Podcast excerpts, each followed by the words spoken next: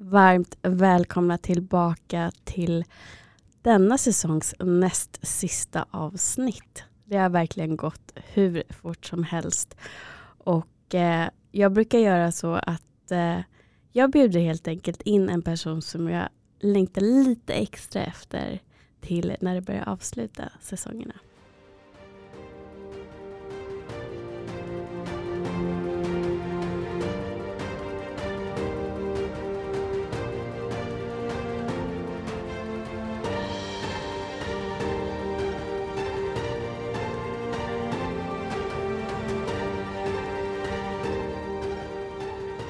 Väldigt, väldigt efterlängtad gäst. Varmt välkommen till podden och till Stockholm, Louise. Tack snälla. Alltså det är så himla kul att få vara här. Så fint. Så fint. Stockholm har ju verkligen visat upp sig från sin bästa sida idag. Solen skiner, det är över 20 grader varmt och mm. folk är glada och lediga.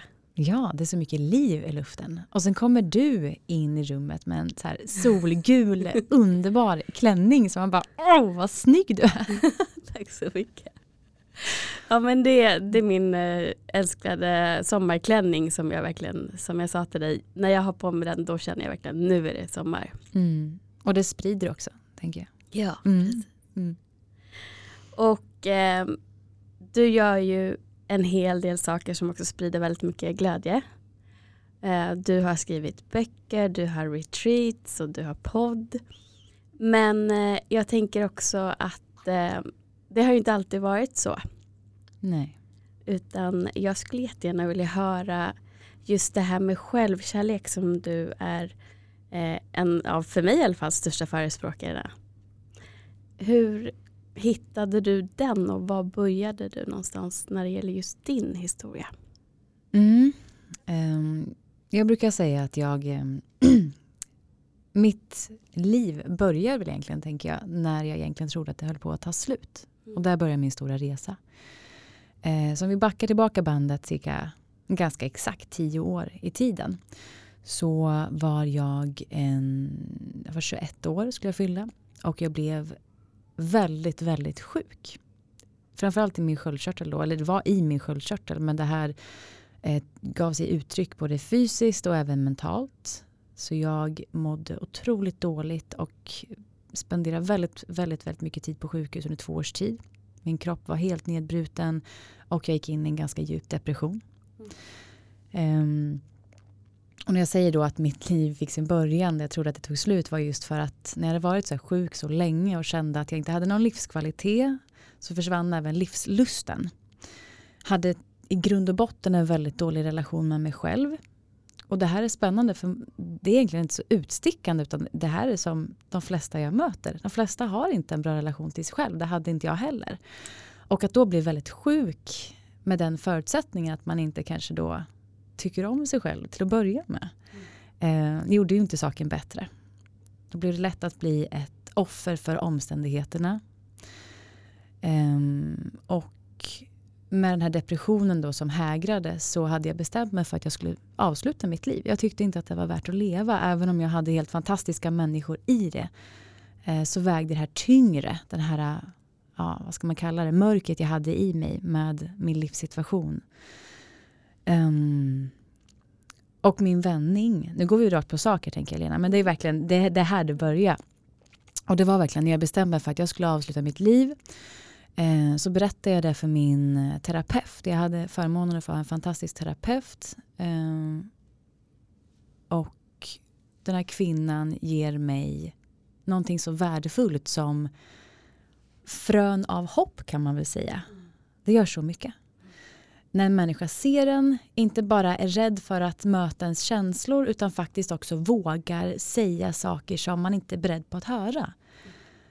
Um, jag var öppen med henne, tyckte hon förtjänar att veta efter det jobb som hon ändå, vi lärt känna varandra och så vidare uh, i den här processen. Och jag tyckte hon förtjänar att få veta att jag planerade att ta mitt liv. Uh, och där och då vid just det här specifika mötet, samtalet, så berättar hon för mig, eller säger till mig då väldigt, väldigt, väldigt rakt på sak att Louise, nu är det också dags att ta av sig offerkoftan. Eh, du kan också göra saker för att förändra situationen. Det här var någonting helt nytt alltså Helena. Det här var inte hur folk behandlade. Det är jättesvårt att bemöta någon i ens närhet som är framförallt har psykisk ohälsa och lider det. Så att det är inte ett lätt område att ens bestiga. Um, men insikten jag fick med mig av vårt möte just den gången som blev min vändpunkt var att hon fick mig att förstå att jag också har ett ansvar. Mm. Att även om jag är ett offer för omständigheterna i mycket och mån så har jag ändå till en stor del ett jobb jag kan göra i mig själv. Yeah. Och här kommer alltså då personlig utveckling in i mitt liv. Eh, hon vände på det för att hon såg att jag satt och sa det att liksom, jag tänker inte fortsätta leva. Jag, eh, jag hade ju hela den här problematiken med mig att bara jag mår bra, bara jag, du vet, typiska, bara jag går ner i vikt, bara jag eh, uppnår det här och det här och det här, mm. då kommer jag tycka om mig själv, då kommer mm. jag tycka om mitt liv. Medan hon gick in och sa att börja i andra änden. Vad händer om du börjar med att försöka stärka relationen till dig själv? Och jag bara satt där och tänkte att vad, vad menar hon egentligen? Eh, hon förklarade att, för då Margareta som hon heter, hon var i sena pensionsåldern. Eh, hon sa det att det är först nu i äldre dag Louise som jag har börjat våga stå upp för mig själv och tycka om mig själv. Och då kallas jag för klimakteriekärring och det skiter jag i. Men alltså förstår du? Så här, Vilken underbar människa. Nej, men hon, helt fantastisk. Och verkligen inte ursäktade sig för, alltså för sig själv utan hon hon körde sitt race och hon sa det att tänk om du gör samma sak. Kan du göra samma sak Louise fast du börjar i dina yngre år nu. Du är bara runt 20. Tänk om jag hade suttit där vid din stol och förstått att jag också kan påverka mitt liv. Jag behöver inte vänta tills det är att jag inte längre att åren har gått så långt att jag eh, skiter i omvärlden och kör mitt eget race. Du kan börja från början istället. Ja, det var ju ett helt, det var ett ganska omtumlande samtal. Jag förstår det. Ja. Eh, och jag gick därifrån med en insikt att okej, okay, man kanske faktiskt kan lära sig tycka om sig själv, jobba på relationen innan man har alla de här sakerna. För vad är det som säger att jag då helt plötsligt på något magiskt sätt ska börja tycka om mig själv automatiskt? Mm. Faktiskt. Ja. Det, jag tänker att det där är någonting som jag själv och många med mig skulle verkligen behöva höra men det är få som har jag ska säga nästan råg i ryggen och verkligen mm. säger det till mm. varandra. Och jag märker ju också att jag har lite den approachen och kan uppfattas som hård.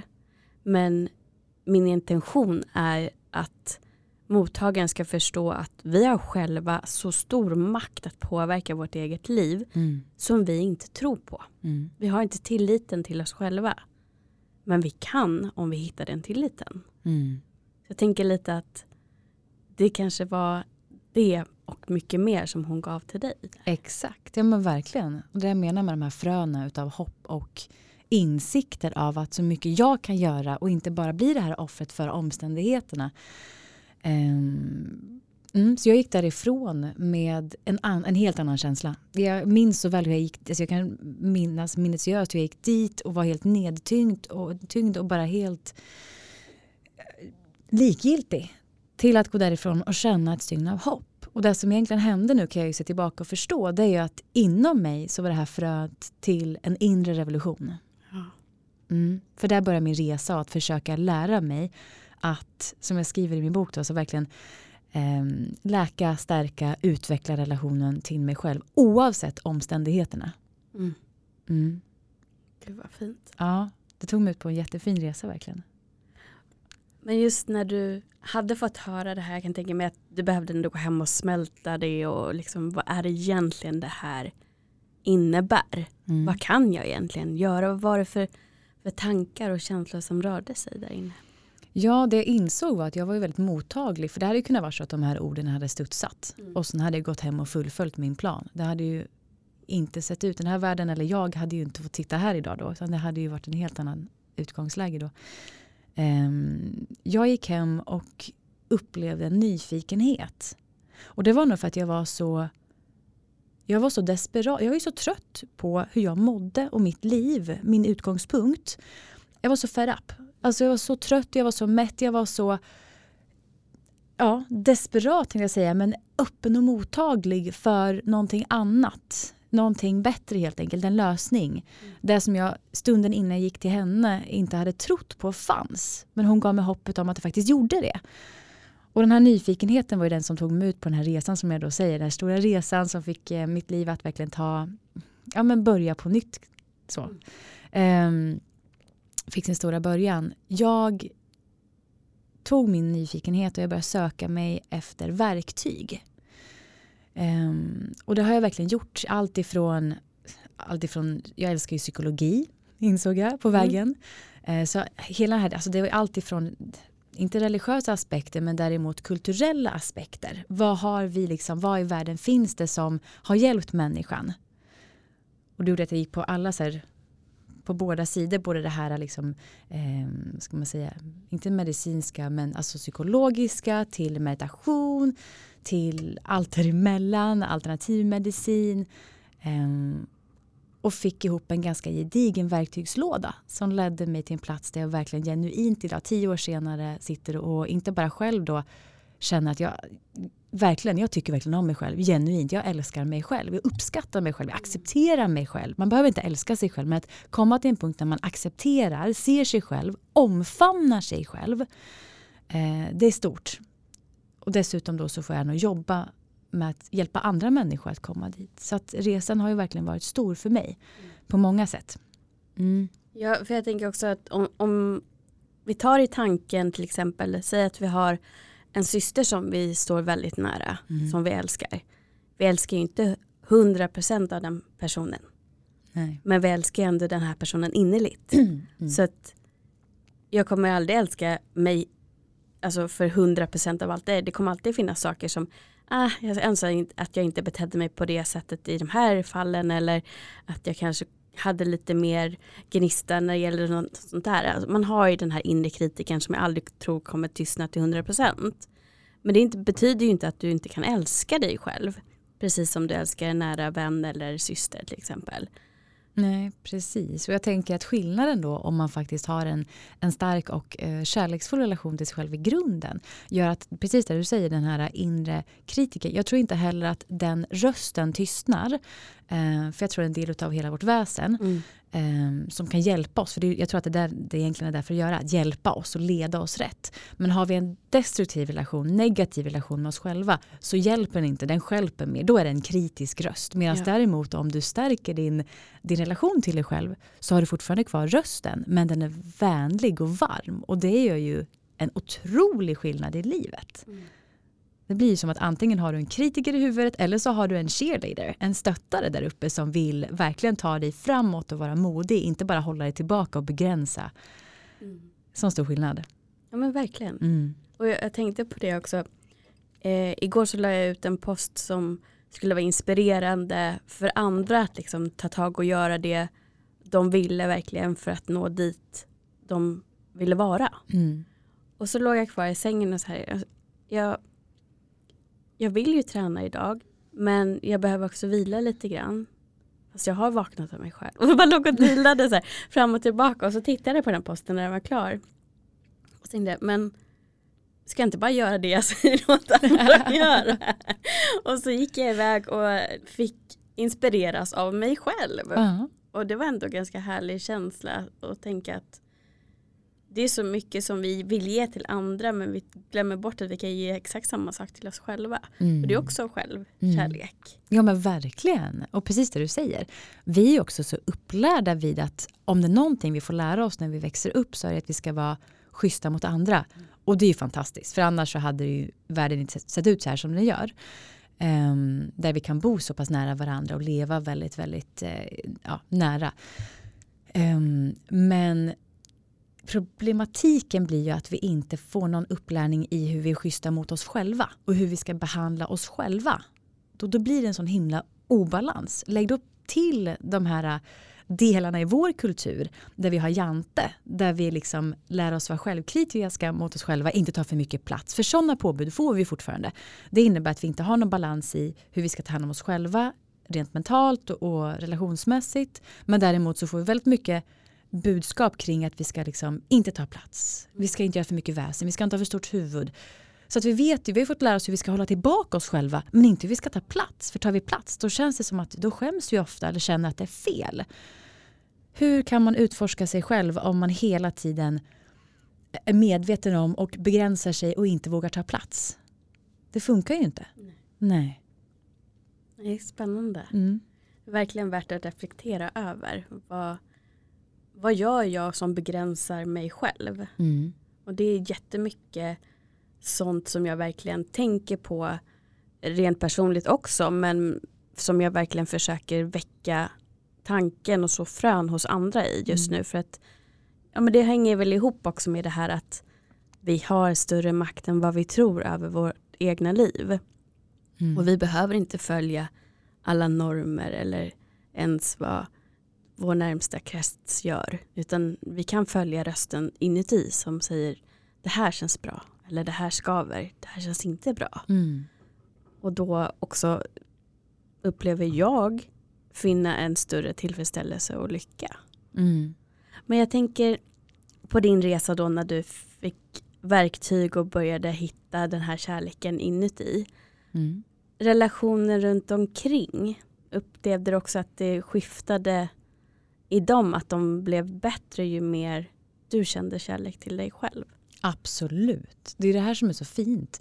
Att jobbar man på relationen till sig själv det handlar ju om att man blir medveten först och främst. tänker jag. Att man lär känna sig själv och då behöver man bli medveten. Man behöver förstå, precis som du ofta pratar i dina avsnitt tänker jag, i din podd. Det här med att man faktiskt lär känna varför har de här tankemönstren, varför beter jag mig så här? Att man börjar se de här eh, programmeringarna som vi ofta pratar om då. Eh, kanske kan, ofta kan koppla ihop det till det inre barnet, att vi förstår varför uppkomsten av det här är på det här sättet. Och också hur det har fått vårt liv att påverkas i vuxen ålder. Ehm, ja, att börja där och att börja liksom jobba med sig själv, för det var ju det jag började göra. Ehm, det börjar ju spegla hela mitt liv sen. Har jag en dålig relation till mig själv så blir livet inte balanserat. Det kan vara på många olika plan som det här ges uttryck, inte minst relationer. Eh, för har jag inte en bra relation till mig själv så är jag oftast inte trygg nog att visa hela mig. Och visar jag inte hela mig då kan ingen heller älska hela mig. Exakt. För att jag har ju inte visat, förstår du? Alltså det är så många olika plan och sätt som det här tar uttryck på. Eh, och inte minst relationer. Så att när jag börjar jobba på mig själv och stärka upp relationen till mig själv. Eh, dels så blev ju de relationer som var värdefulla, genuint värdefulla för mig, de blev bättre.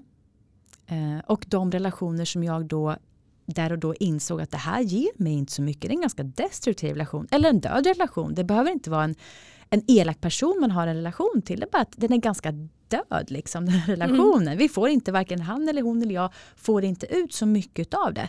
Eh, det är dags att gå vidare. Så att det blir att man, jag brukar säga att man relationsrensar. Det kan bli en stor del av hela jobbet med sig själv. Eller onekligen, för att de människor vi har relationer med påverkar oss så himla mycket. Så att det är en viktig del eh, i vår process och vår resa.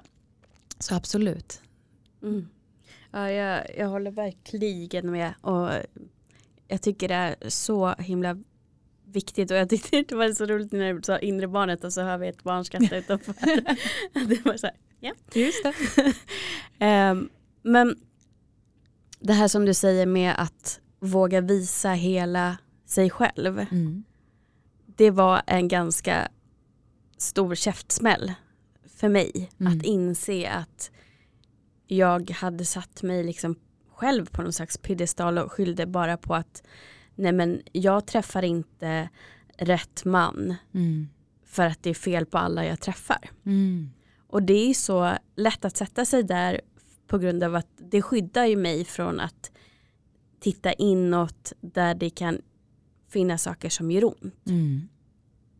Samtidigt så gör det ju ont att sitta och ljuga för sig själv. Mm. För det skaver så himla mycket till slut så att man får skavsår. Mm. Ehm, och när jag insåg att den gemensamma nämnaren är ju faktiskt jag. Mm. Alla jag träffar. Mm. Och det är jag som ändå söker mig till otillgängliga män därför att det är tryggt och då kommer de aldrig vilja komma så nära som jag tycker att det är läskigt att släppa någon. Mm. Bara inse som du också sa de här mönstren. Och det är därför jag också tjatar om det faktiskt rent ut sagt i podden. Därför att jag tror verkligen innerligt på och ser det hos mig själv att börjar du ändå blicka inåt och titta på vad är de här mönstren? Mm. Vad är det som händer i den här situationen egentligen? Och vad kan jag påverka, vad kan jag ändra och hur kan jag påverka och ändra det? Och då vara villig att ta de här mentala bitchslapsen som man ändå får. Att okej, okay, jag har faktiskt gjort de här valen, tagit de här besluten som egentligen har lett mig till att känna olycka. För att jag tyckte att det var mer safe än att våga visa hela mig och ge någon chansen att se vem jag är och älska mig för den jag är. Mm. Mm. Och inse att visst, jag kan fortfarande bli avvisad. Och då bli avvisad för den jag är, men då är inte det rätt person. Nej.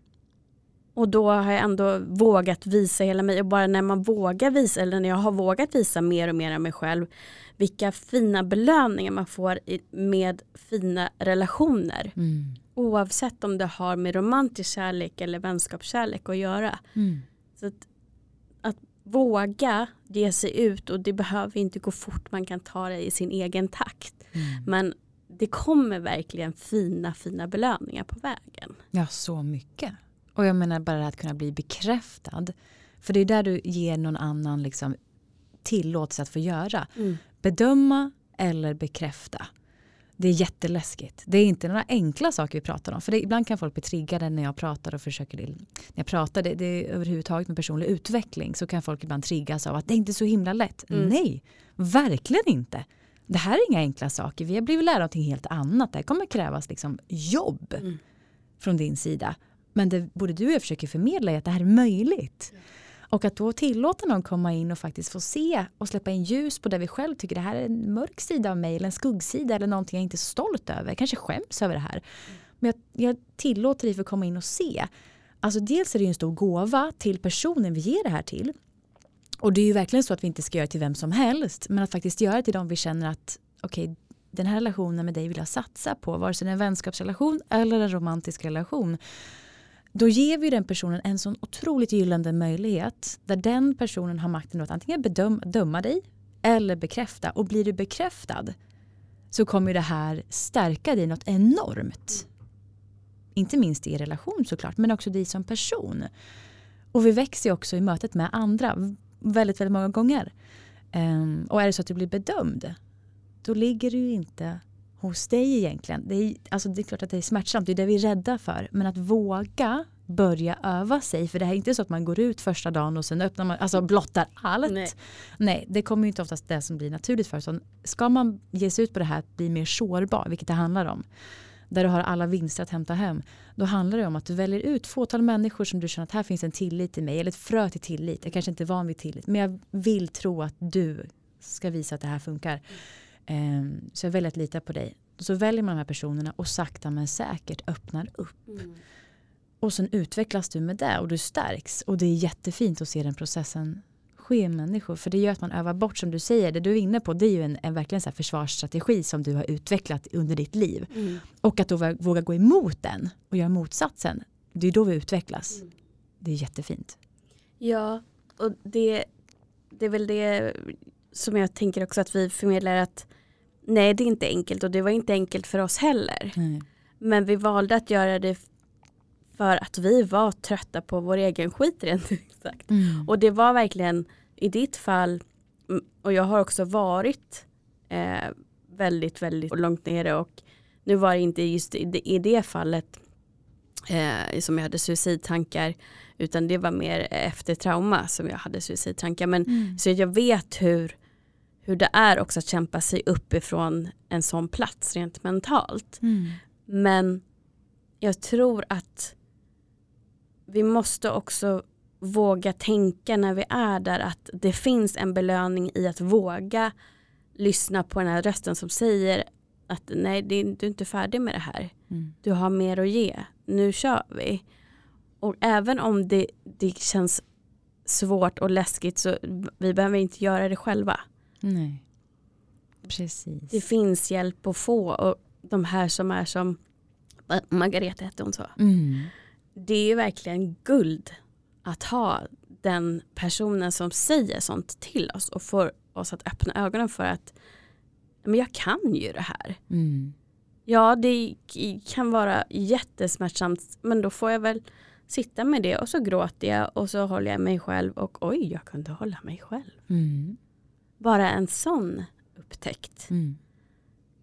För att jag tror många med mig också känner igen det här att tro att har jag inte någon fysiskt där som håller om mig då kommer jag gå sönder. Mm.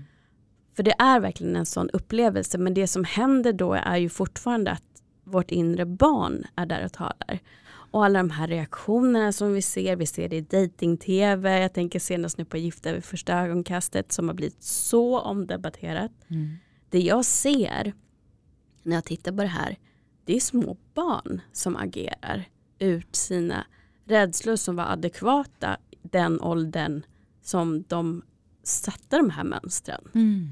För att i den åldern så är det så mycket hotande att vara utsatt för den här typen av känsla som de sitter och agerar ur. Mm. Men vi kan inte dö eller bli övergivna så att vi inte kan ta hand om oss själva i vuxen ålder. Och det måste vi förstå. Mm. För det är därifrån man också hämtar kraften till att faktiskt, men jag kan ju faktiskt skifta mindset Mm. och jag kan skifta vart jag vill gå någonstans. Mm. För jag har ändå, jag är vuxen, jag har så mycket fler verktyg. Bara rent av för att du är vuxen och inte ett barn. Så nu måste jag sluta agera utifrån min åttaåriga eller min, eh, ens min tonåring. Mm. Det, är liksom, det räcker nu. Mm. Just det. Men jag tänker också att det finns ju mycket verktyg rent fysiskt. Till exempel din bok som Mm. handlar om självkärlek. Mm. Skulle du kunna berätta lite grann om den? Mm. Absolut. Ehm, den heter då Self Love. Hur du läker, stärker och utvecklar relationen med dig själv. Och jag brukar säga att det är som en resa. Alltså att läsa den här boken från att du börjar till att du slutar. För att den innehåller verkligen en så pass stor och matig verktygslåda från så många aspekter som du som läsare handgripligen verkligen kan ta till dig och börja jobba med dig själv, relationen till dig själv på många olika plan. Inte minst relationsmässigt. Eh, när du själv tar till de här verktygen helt enkelt. Jag vill göra det tillgängligt för personer som helt enkelt läser boken att, att hemma, som bara känner så här att var ska jag börja någonstans? Eller jag, steget till en terapeut eller någon coach, person som kan hjälpa mig utifrån känns väldigt stort. Eller så vill man bara utforska själv. Ja, då vill jag skapa en skattkista rent ut sagt som gjorde det tillgängligt att verkligen börja. Och det handlar ju om, precis som underrubriken säger, det handlar om att läka relationen och det gör vi genom att läka vårt inre barn. Att vi faktiskt tittar och vågar, jag brukar säga det handlar aldrig om att skuldbelägga de vuxna, typ dina föräldrar i din uppväxt, men att få förståelse för hur mycket det här, din uppväxt, eh, barndom och uppväxt har präglat dig och att våga äga upplevelsen utav den. Det har du rätt att göra. Det är din rättighet. Eh, och för många människor så bara genom att göra det så, så blir det en, en jättevändpunkt. Det händer så mycket. Inte minst att man släpper in ljus och börjar se på saker och ting som man har varit med om och upplevt under mer, lite mer rättvisa förhållanden. Man börjar se på det med lite mer rättvist ljus. Och då kan man också lägga upp pusselbitarna ett och ett till. Just det, okej. Okay. Det kanske är därför jag fungerar så här nu i den här situationen som vuxen. Eh, så att läka, eh, det gör så mycket. Så mycket. Du pratar ju väldigt, väldigt mycket om det. För jag vet hur mycket det har gjort i ditt liv för dig. Mm. Och det är precis samma som mig. Och man behöver ju inte ha varit ens på de här platserna av att man har varit med om ett starkt trauma. Man behöver inte ha varit deprimerad eller sjuk. Utan väldigt många människor idag mår dåligt på ett eller annat sätt. Ibland på ganska subtila sätt. Men att de har obalanser i livet och känner att det skaver. De är inte helt liksom tillfreds. Eller så mår de verkligen riktigt dåligt under ytan. Um, och det kan ha att göra just med att man, ja, man har en dålig relation med sig själv. Inte har blivit medveten om vem man är som människa. Ja, Så att den här boken är då verkligen, och sen också det här att jag fick, jag har ju hört innan jag träffade Margareta så jag har jag ändå hört budskapet om att du ska vara din bästa vän, du ska mm. älska dig själv. Helt ärligt ska jag säga att det provocerade mig mer än det motiverade mig. Mm. För att ingen utav de människor som säger till dig att du ska vara din egen bästa vän, jätteklatschigt. Mm. Ingen säger ju sen och följer upp med hur du gör. Mm. Sant. Det är ju där som det blir så fel. va? Mm. Eh, och ibland kan människor bara när de hör att jag jobbar med self-love då kan de till och med bli triggade av att så här, men hur, jag, jag, tror aldrig jag kan älska mig själv. Nej men börja inte där. Mm. Börja inte att tänka att du måste älska dig själv. Men du förtjänar att lära dig omfamna allt det som är du. Både det hårda och det mjuka. Det mm. kantiga. Det du inte är så stolt över. Det du skäms över. Men också det du är stolt över. Det är det enkla såklart. Det vi, det vi gärna visar för andra. Um, så ja, boken är en lång historia. Men boken är eh, som en resa helt enkelt. Där man som läsare ska få med sig verktygen att handgripligen börja ta action och jobba med sig själv. Mm. mm. Och jag tänker det är precis det vi behöver. I början så, i alla fall jag var ju väldigt clueless också så här, men vart ska jag börja någonstans? Mm. Det, jag vet ungefär vart jag vill. Men det känns ju verkligen jättesvårt när det inte finns några fysiska eh, verktyg som vi har fått lära oss någonstans. Att ja, men så här ska vi göra. Mm. Jag inser rent intellektuellt mm. att jag behöver älska mig själv. Och det här med den här klyschan att du behöver älska dig själv innan du älskar någon annan. Mm. Jag tycker ändå att det finns en poäng med det. Därför att det är mycket lättare för mig idag att sätta gränser mm. och se var vill jag ha den här personen? Vill jag ha den här personen som jag möter nu nära eller inte? Och väga av, nej men jag tror verkligen, det känns bra jag har lärt mig lita på min magkänsla. Jag kommer välja att öppna upp för den här personen. Mm. Och då få så och skörda den ja, bekräftelsen då som, som man får. Eller att känna att jag vet inte riktigt. Jag tror att det är bättre att vi får låta tiden visa vad vi ska ha för relation. Att bara kunna särskilja det tycker jag är mycket lättare idag. Mm. När jag har jobbat på min självkärlek. Mm. För att jag också har vågat hitta Mm, jag hade inte så mycket tillit varken till mig själv eller vilka beslut jag tog i relationer. Vilka jag släppte nära eller inte. Ett tag när jag var väldigt otrygg så kändes det som att jag kunde öppna upp mig för vem som helst som ville lyssna och det blev väldigt fel. Mm. Och det i sin tur skapade ångest inför oj nu har jag berättat alldeles för mycket för en person som jag inte ens vet om jag kan lita på. Mm, mm. Och det vet jag är väldigt vanligt just med en otrygg anknytning till exempel. Mm. Så att det finns ju verkligen en poäng under den här klichén om man bara utforskar den. Absolut att du kan också läka och det gör man i en relation med en bra och trygg person. Mm. Men det är svårt att alltid hitta dem.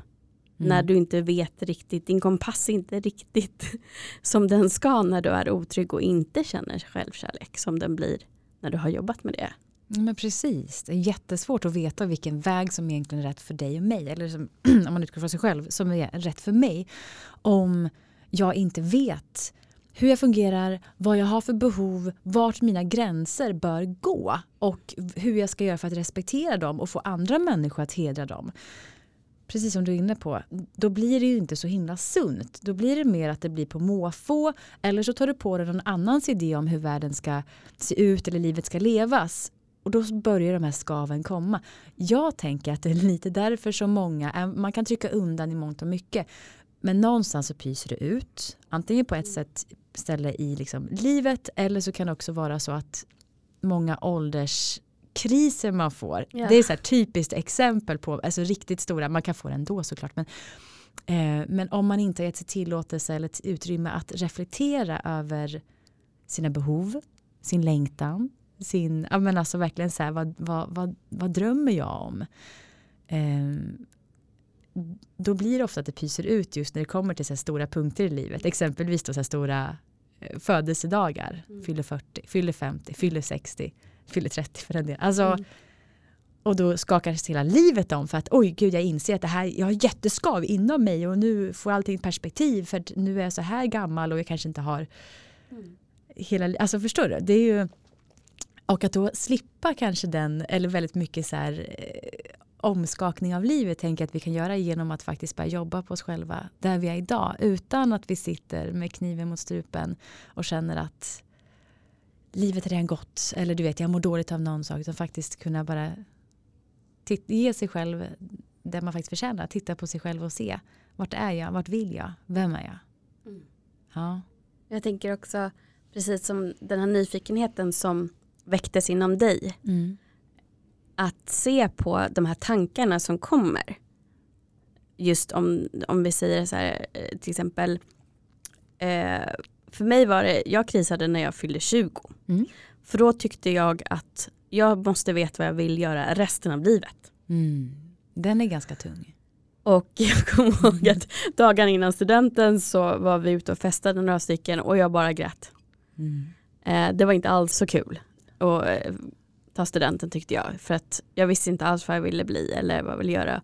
Mm. Eh, och jag upplevde att det var förväntningar hemifrån att jag skulle välja en akademisk bana men jag visste inte om det var rätt för mig. Eh, jag hade inte koll på vem jag var. Och vem har det egentligen i den åldern? Mm. Det är inte så vanligt. Mm. Eh, och sen vet jag att det är många som har en föreställning vad utifrån mycket samhället säger att ja, men vid 30 då ska du också eh, ha uppnått vissa saker. Och sen vid 40 ska du ha uppnått andra saker. Mm. Och just få det här att inte bli ett, en kris utan istället titta på de här förväntningarna. Var kommer de ifrån? Är det mm. verkligen någonting som jag vill göra? Eller är det så att jag bara har blivit inlärd, intro, eh, alltså introducerad till de här tankarna genom samhällets normer? Eh, det, för mig vid 40 så var det mer en kris över vad jag trodde att jag behövde göra för att det var bara så. Mm. Till exempel skaffa barn och sen kände jag men jag vill ju inte ha barn.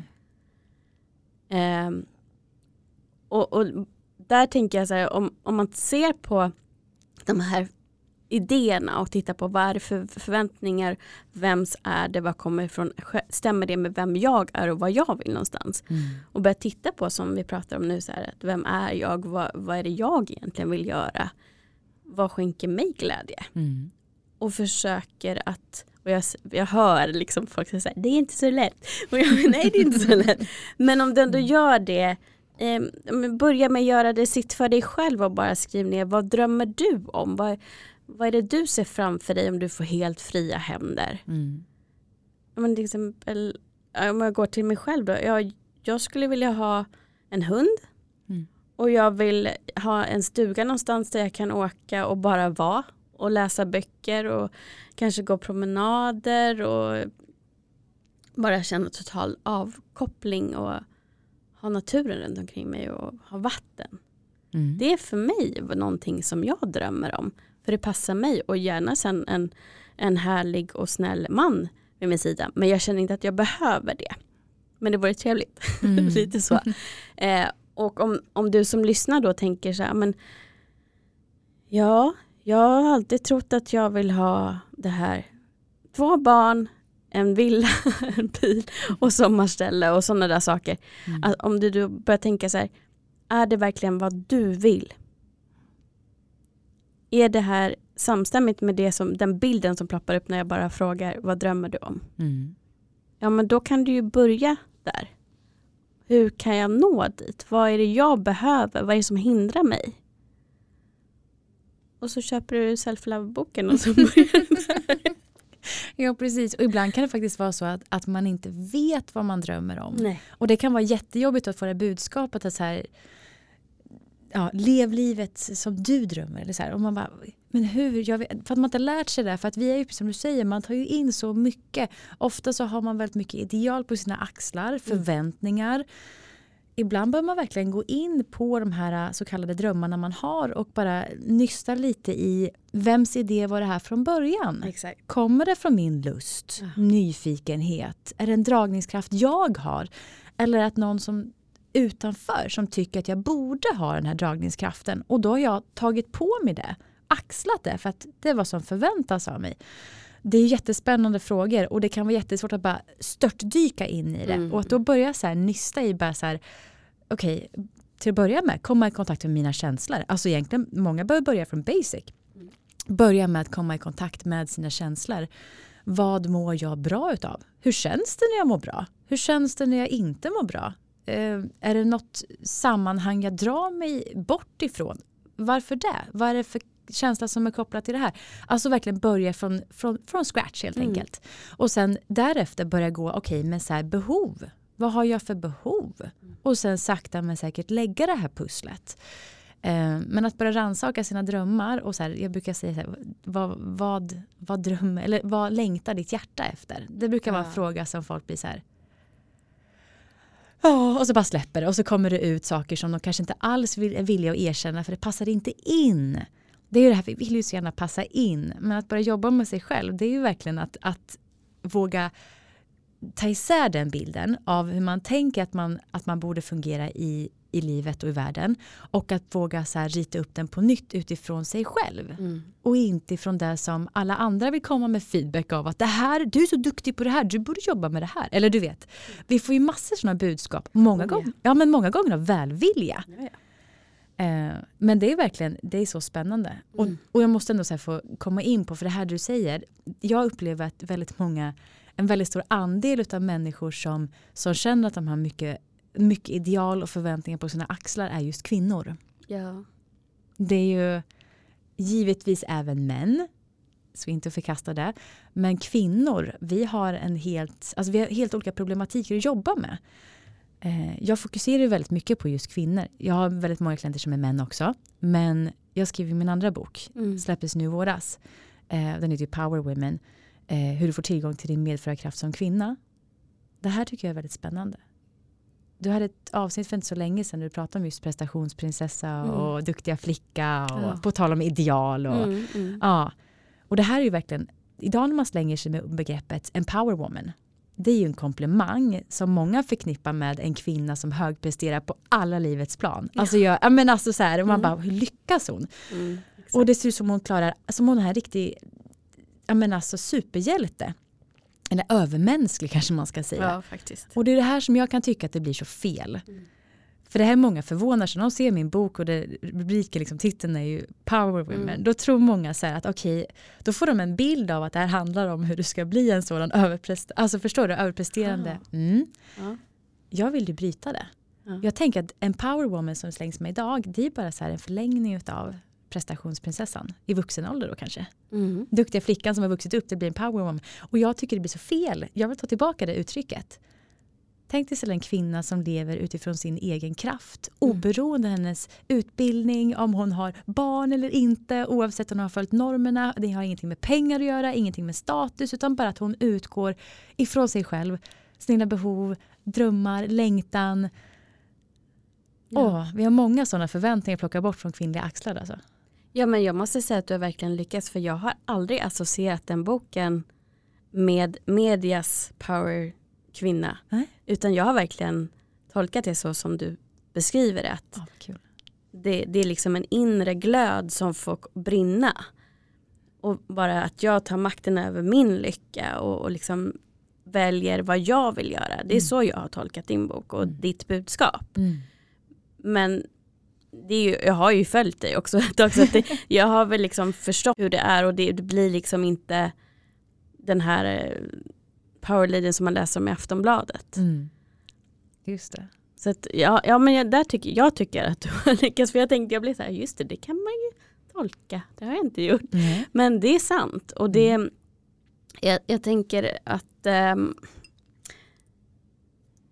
det, det är klart att det är mycket som jag säger som har blivit självklart för mig men det ligger mycket jobb bakom. Mm. Det är viktigt att förstå det. Det här har inte varit självklart för mig att ifrågasätta mina tankar eller mina känslor. Att pausa innan jag reagerar. Alla sådana här saker som jag pratar mycket om. Jag har jobbat hårt för att nå Mm. dit jag är idag. Men jag pratar om det också därför att alla ska förstå att kan jag så kan du. Mm. Och det handlar egentligen om att besluta sig för att jag är värd kärlek. Mm. Jag är värd min egen kärlek som jag så frikostigt ger till alla andra. Mm. Och faktiskt ta tillvara på det och sen stega upp. Liksom, det här har ju tagit år. Mm. Det liksom de sen, när ni har fått följa den här resan jag har gjort med podden. Det gick ju från en, en tjej som sitter och gråter hela tiden och är i relation med en person som har ganska starka narcissistiska drag. Mm. Till någon som sitter och säger idag att det är självklart att jag vet vad jag behöver och vart jag sätter gräns. Mm. Så att är man medveten om att det har varit en resa så tror jag också att det är lättare att förstå att vem som helst som bestämmer sig kan göra den. Mm. Men också att det är viktigt att förstå att det finns verktyg att ta till och jag har också tagit till dem. Jag har också läst mycket. Jag följer Louise och jag följer andra kvinnor som inspirerar som har gått före. Mm.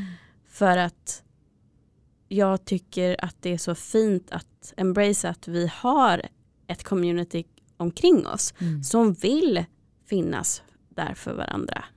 Och det finns så många händer som sträcks ut bara man lyfter blicken. Mm. Precis, och att det finns som sagt, platser man kan ta sig till om man känner att man inte kanske har en omgivning som förstår eller kan hjälpa eller bidra på rätt sätt just nu. Då finns det, precis som du säger, det räcker ju med att du tar upp din telefon och lyssnar på din podd. Alltså du kan ju inspirera och hitta inspiration på så många sätt. Eh, och det tycker jag är hoppfullt. Men när man väl sitter där och det känns som att det känns hopplöst, för den Mm. känslan är ju väldigt, väldigt jobbig. När man nästan är övertygad om att jag kommer inte komma härifrån för jag vet inte hur det känns. Jag vet inte hur motsatsen känns. Ändå så är det någonting där inne som bara längtar efter en förändring. Eh, då är ju det här där vi jobbar, både du och jag, att jobba med att påminna människor om. Det är ju jätte, jättefint och värdefullt att man faktiskt, det finns så mycket där ute som man kan inspireras av, lära sig av. Det finns helt fantastiska människor som viger sina liv åt att vilja ge dig verktyg till hur du tar dig framåt. Ehm, så att ja, det är verkligen, mm, det behövs och det behövs nu mer än någonsin. Mm. Det händer väldigt my- mycket just nu eh, i världen, inte minst för kvinnor. Eh, och jag tycker det är väldigt fint att få vara en del av det här. För precis som du säger, vi har gjort våra egna resor och det är lätt att tänka om man sitter och lyssnar om jag just berättat det tio år sedan. Då kan man tänka, har jag tio år framför mig då? Mm. jag tänker så här, nej, alltså det är inte som att det tog tio år för mig att må bra. Utan jag, det är det som är så fint. Varje, varje handling man gör för sig själv för att ta den ju närmare någonting nytt, någonting mer positivt. Ehm, och det ger ju ringar på vattnet i livet. Mm. Precis så. Mm. Och jag tänker också på en sak som eh, jag hörde att ni pratade om i den podden som du medverkar i, Vardagsmagi. Mm. Det här med, för jag har pratat lite grann om att ofta när man söker sin egen väg så kommer man i kontakt med spiritualitet. Mm. Och jag tyckte det var så fint att ni var så tydliga med att det behöver inte vara på ett visst sätt som man kan tolka det utifrån nya ögon som bara ser att du behöver klä dig på ett visst sätt eller du behöver eh, ha rökelse och, och, och stenar och kristaller och allt möjligt. Mm. Eller ha en guru för den delen. Utan du kan hitta din egen sätt, ditt eget sätt. Och jag fastnade verkligen för att du pratade om att eh, till exempel att det var någon som hade hört av sig och ville känna en dragning till kristaller. Mm. Och jag tyckte det var så fint att du sa att ja, men den här kristallen kan betyda någonting bara för dig. Mm. För jag vet att det finns ju så mycket röster och man ska tolka fjädrar och det är olika färger och allt möjligt och vissa kristaller ska ge olika saker. Och jag har också haft, eller jag har massa kristaller men jag beslutar mig för, för att ge bort dem till någon som jag känner behöver dem som är mer där Mm. jag var. Mm. Eh, men just att man behöver inte köpa hela konceptet som, som ni sa. Nej, Det tyckte jag var så himla viktigt att ta med sig. Att om du känner en dragning till en viss sten och känner att den här stenen ger mig mod för att nu har jag vågat söka ett nytt jobb för att jag trivs verkligen inte och mår inte bra det är till exempel. Mm. Och få bära med sig den kanske i bhn Mm. och känna att åh nu fick jag styrka. Mm. Oavsett om det är på riktigt inom citationstecken eller inte Mm. så har ju det gett den här personen kraft. Mm. Och det, kan, det får vara så. Mm. Vi väljer själva utifrån vår inre röst när vi vågar lyssna på den vad som är rätt för oss. Och vad som är rätt för mig idag kanske inte är rätt för mig om ett halvår, ett år, två år, alltså längre fram. Mm. Men det är det som är så spännande med att utvecklas och upptäcka den här upptäcktsfärden som livet ändå är. Mm. Ja, verkligen. Jag tycker det är kul att du kommer in på just det här med spiritualitet. För att många har ju sagt en bild av att det behöver ingå ett visst antal saker för att du ska kunna vara och kalla dig spirituell. Medan jag vill hävda motsatsen. Du behöver inte ha, du kan vara lika spirituell som vem som helst utan de här rökelserna, kristallerna, eh, vad det nu kan vara, astrologi. Det är bara uttryck på verktyg tänker jag. Som människor har hittat förhoppningsvis själva. Eh, för att det ger dem någonting och lättare kommer i kontakt med det här inre. För, för mig så tänker jag så här, det spirituella, många blir så här, ah, det är så flummigt och det är så så här, ja, eh, det spirituella, jag brukar definiera det som att allt det du gör när du faktiskt vänder din uppmärksamhet bort ifrån omvärlden, utifrån din kropp och riktar den in mot din kropp, allt det som är du. Det är ju att ta del av någonting som inte bara har med intellektet att göra utan någonting som finns och inte bara din köttliga kropp utan också att du känner ju någonting inom dig som vi inte kan sätta fingret på, som vi inte kan se. Eh, och då kan man kalla det för din själ exempelvis. Det finns ju många ord, men säg din själ. Det här som vi inte kan vi kan inte bevisa att den finns eller vad den exakt är, men den är ju högst påtaglig för dig. För du lever med den varje dag. Så att säga att den inte finns, det vore också väldigt, väldigt konstigt. Ja.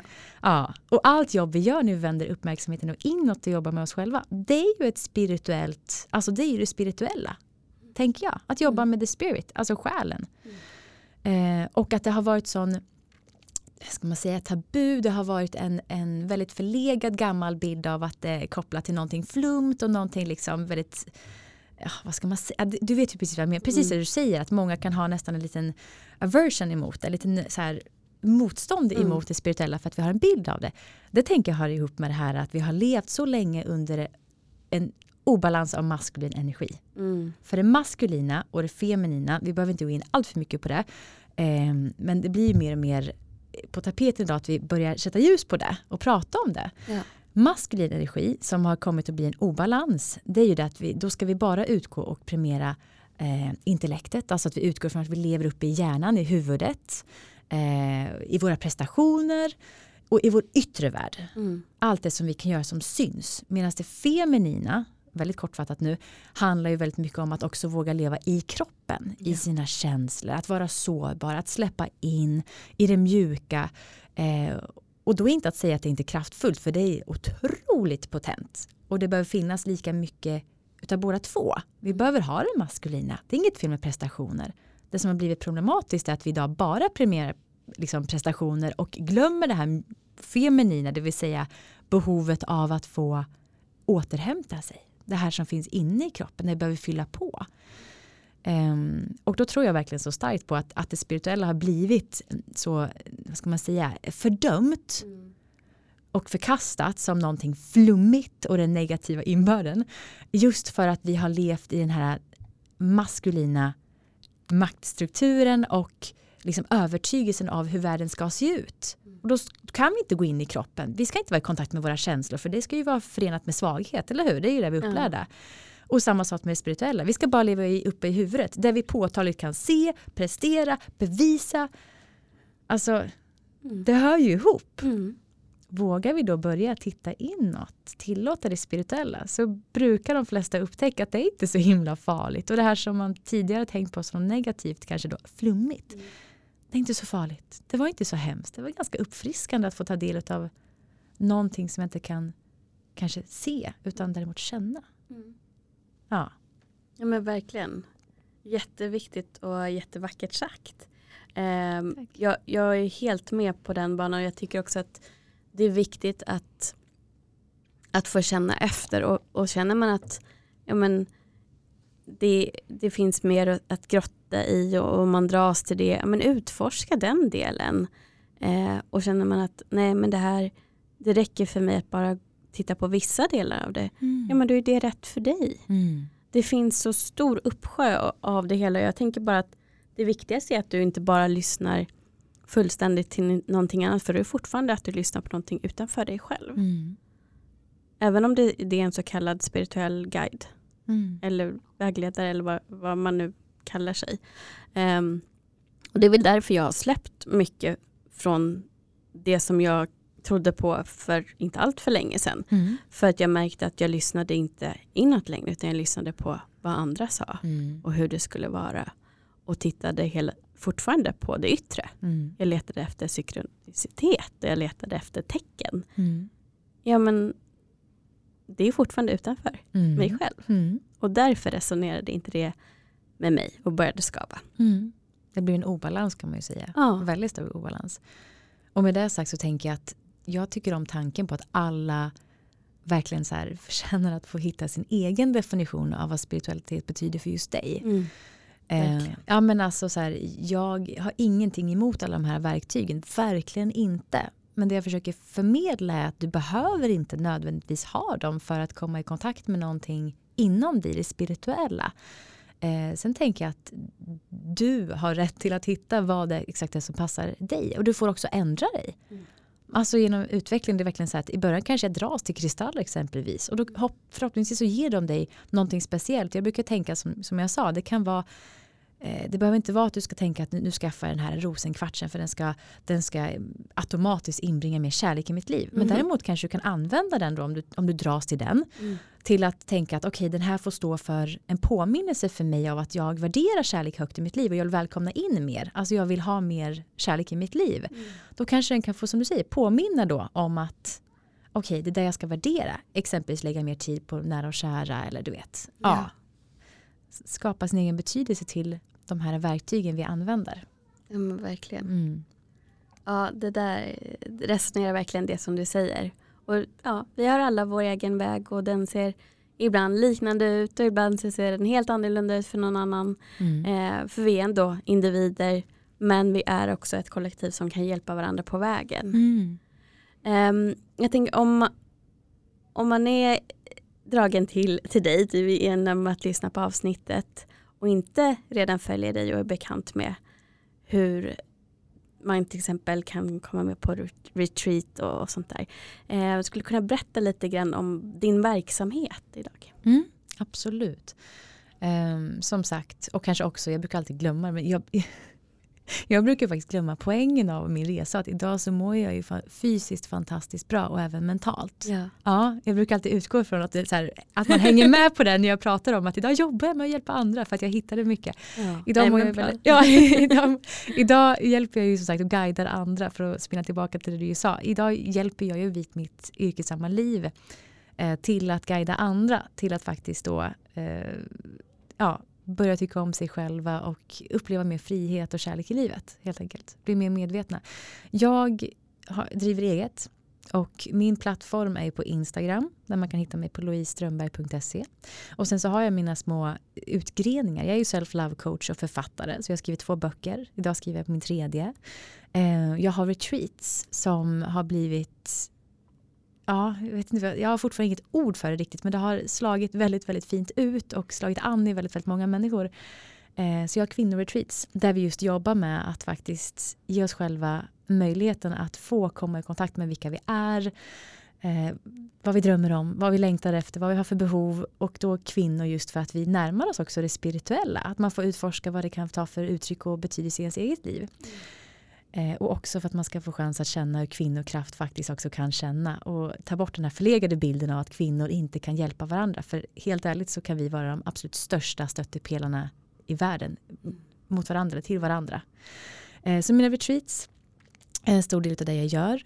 Eh, mina böcker eh, och sen har jag även online-yoga som är en slags verktyg som jag känner att då får jag ändå hands-on hjälpa människor kanske då komma ner i sig själva på vardaglig basis. Så ja, det är vad jag gör idag. Ja, och det, så att det finns ju verkligen verkliga verktyg som vi pratade om tidigare att tillgå. Mm. Ja, verkligen. Så mycket. Så för dig som kanske lyssnar och tänker som känner att jag vet inte vart jag ska härnäst eller det känns omöjligt just för att du kanske inte har upplevt motsatsen eller alternativet. Ja, att börja kanske läsa boken, det gör verkligen så. Och inte då för att göra reklam för mig själv, utan verkligen så här, jag har verkligen samlat det som har hjälpt mig allra mest på väldigt många plan. Den är väldigt så här matnyttig för att den har så många områden i sig. Mm. Eh, så börja läsa den och se vad som händer i dig. Mm. mm. Ja, men du bör göra reklam för dig själv eftersom det är så viktigt det du har att mm. förmedla ut. Mm. Eh, så att jag tänker bara att det, det är absolut okej och du bör göra det. eh, och jag kommer som vanligt länka också till vad man kan få tag på böckerna, till din Instagram och, och det jag kan hitta som vi har pratat om i det här avsnittet. Så att titta i beskrivningen så kan ni se också hur ni får kontakt med Louise. Tack snälla. Och eh, tack också till dig som har tagit dig hit till Stockholm idag och eh, gett den här dagen mycket värde och också till den som har lyssnat. Tack snälla för att jag fick komma. Det var verkligen så fint Helena. Jätte, jättefint. Tack. Tack snälla. Och eh, som vanligt till dig som lyssnar. Eh, lyssna jättegärna flera gånger för att ta till dig det som vi pratar om. Och jag vill också gå tillbaka till att det vi pratar om gör vi utifrån att vi har gjort våra resor och det finns hjälp att få om du vill ge dig ut på din inre resa. Lyssna gärna på flera avsnitt, lyssna gärna på också på den podden som Louise medverkar i och den kommer jag också länka till i beskrivningen. Men viktigast av allt, tills vi hörs igen, ta hand om dig.